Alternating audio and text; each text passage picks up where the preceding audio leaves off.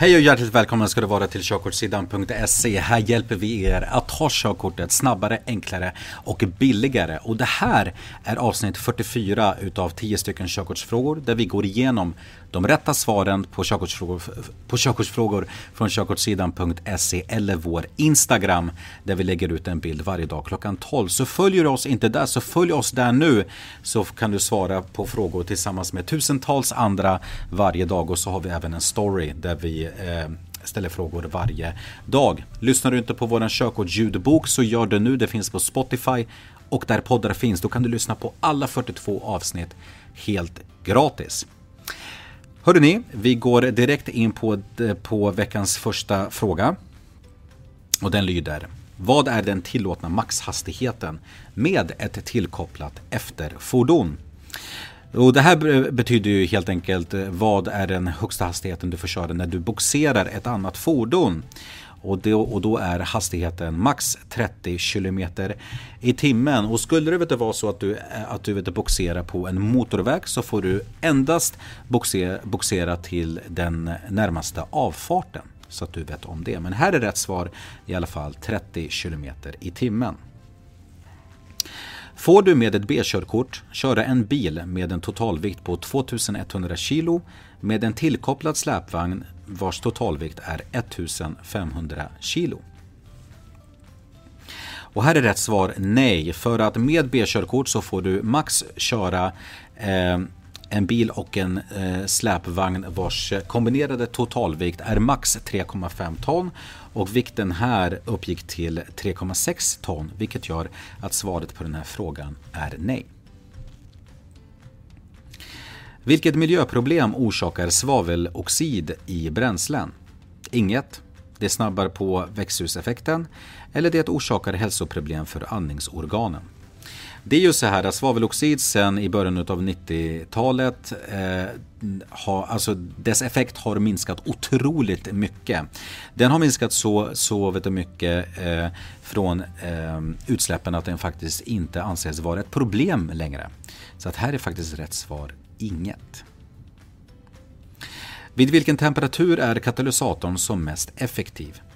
100 grader, eh, mellan 2 till 400 grader, mellan 4 till 600 eh, grader eller mellan 6 till 700 grader. Och för er som inte vet vad, eh, vad katalysatorn är så är det eh, den ehm, apparat som finns vid sugröret, eller apparat. Det katalysatorn gör så att den rensar avgaserna från otroligt många farliga, eh, farliga vet, ämnen. Den rensar dock inte avgaserna ifrån koldioxid utan tvärtom. Den skapar faktiskt koldioxid och vatten. Men den tar bort otroligt mycket andra farliga ämnen. Och för att den ska fungera så bra som, som möjligt så behöver den komma upp i rätt, i rätt temperatur. Och här är rätt svar mellan 4 till 600 grader. Och det här är anledningen till varför man inte rekommenderar att göra korta resor med bilen. För att med korta resor så hinner inte katalysatorn komma upp i temperatur vilket gör att alla korta resor är mycket eh, farliga för miljön. Man brukar säga att eh, alltså, resor kortare än 3, 3 kilometer ska man eh, försöka undvika att ta bilen. Jag har inget körkort i Sverige men min kompis har körkort i Tyskland. Får min kompis vara handledare åt mig i Sverige? Alltså man ska övningsköra privat. Nej, kompisen måste ha svenskt körkort. Ja, men kompisen måste ha tillstånd av Vägverket först. Eller ja, Tyskland är ett EES-land. Och här är rätt svar ja, att Tyskland är ett EES-land. Så att har du en kompis, släkt, vän, whatever som har ett körkort från ett EES-land så får de vara handledare åt dig i Sverige. Du har druckit alkohol dagen innan och vill köra bil. Kan du skynda på förbränningen av alkohol så att du blir körduglig? Ja, om jag dricker mycket vatten. Ja, om jag tränar och eh, svettas eller nej? Här är rätt svar nej, så att oavsett om du, om du dricker vatten eller om du bastar, tror väldigt många att det inte funkar, eller om man dricker kaffe. Och fast om du faktiskt känner dig lite bättre så finns faktiskt ingenting som kan skynda på förbränningen utav alkohol. Så här är svaret nej. Du ser denna kombination utav vägmärken. Hur får man parkera? Parkering ej tillåtet. Parkering är fritt alla dagar i veckan. Eller parkering i max 24 timmar måndag till fredag. Övrig tid fritt. P-skylten är ju den bästa skylten när man vill veta parkera för att den ger mest vet, frihet att, eh, alltså att veta parkera. Och den betyder ju att 24 timmars regeln eh, alltså, att appliceras på vardagar, alltså måndag till fredag. Och på helger så är det fritt. Så här är det sista alternativet rätt. Vilket av alternativen beskriver bäst en vägtrafikant? Endast det som kör i ett fordon eh, endast det som är fotgängare, det som befinner sig på vägen eller alla som är passagerare i ett fordon. Och här är rätt svar det som befinner sig på vägen. Så det kan vara någon som åker eh, åker, åker med rollerblades, med skateboard. De är också vägtrafikanter. Så tänk på det. Du är inblandad i en olycka. Vad stämmer? Jag ska hjälpa skadade efter förmåga. Jag ska lämna mina uppgifter till skadade personer. Eller jag behöver inte göra något om inte jag eller bilen är skadade.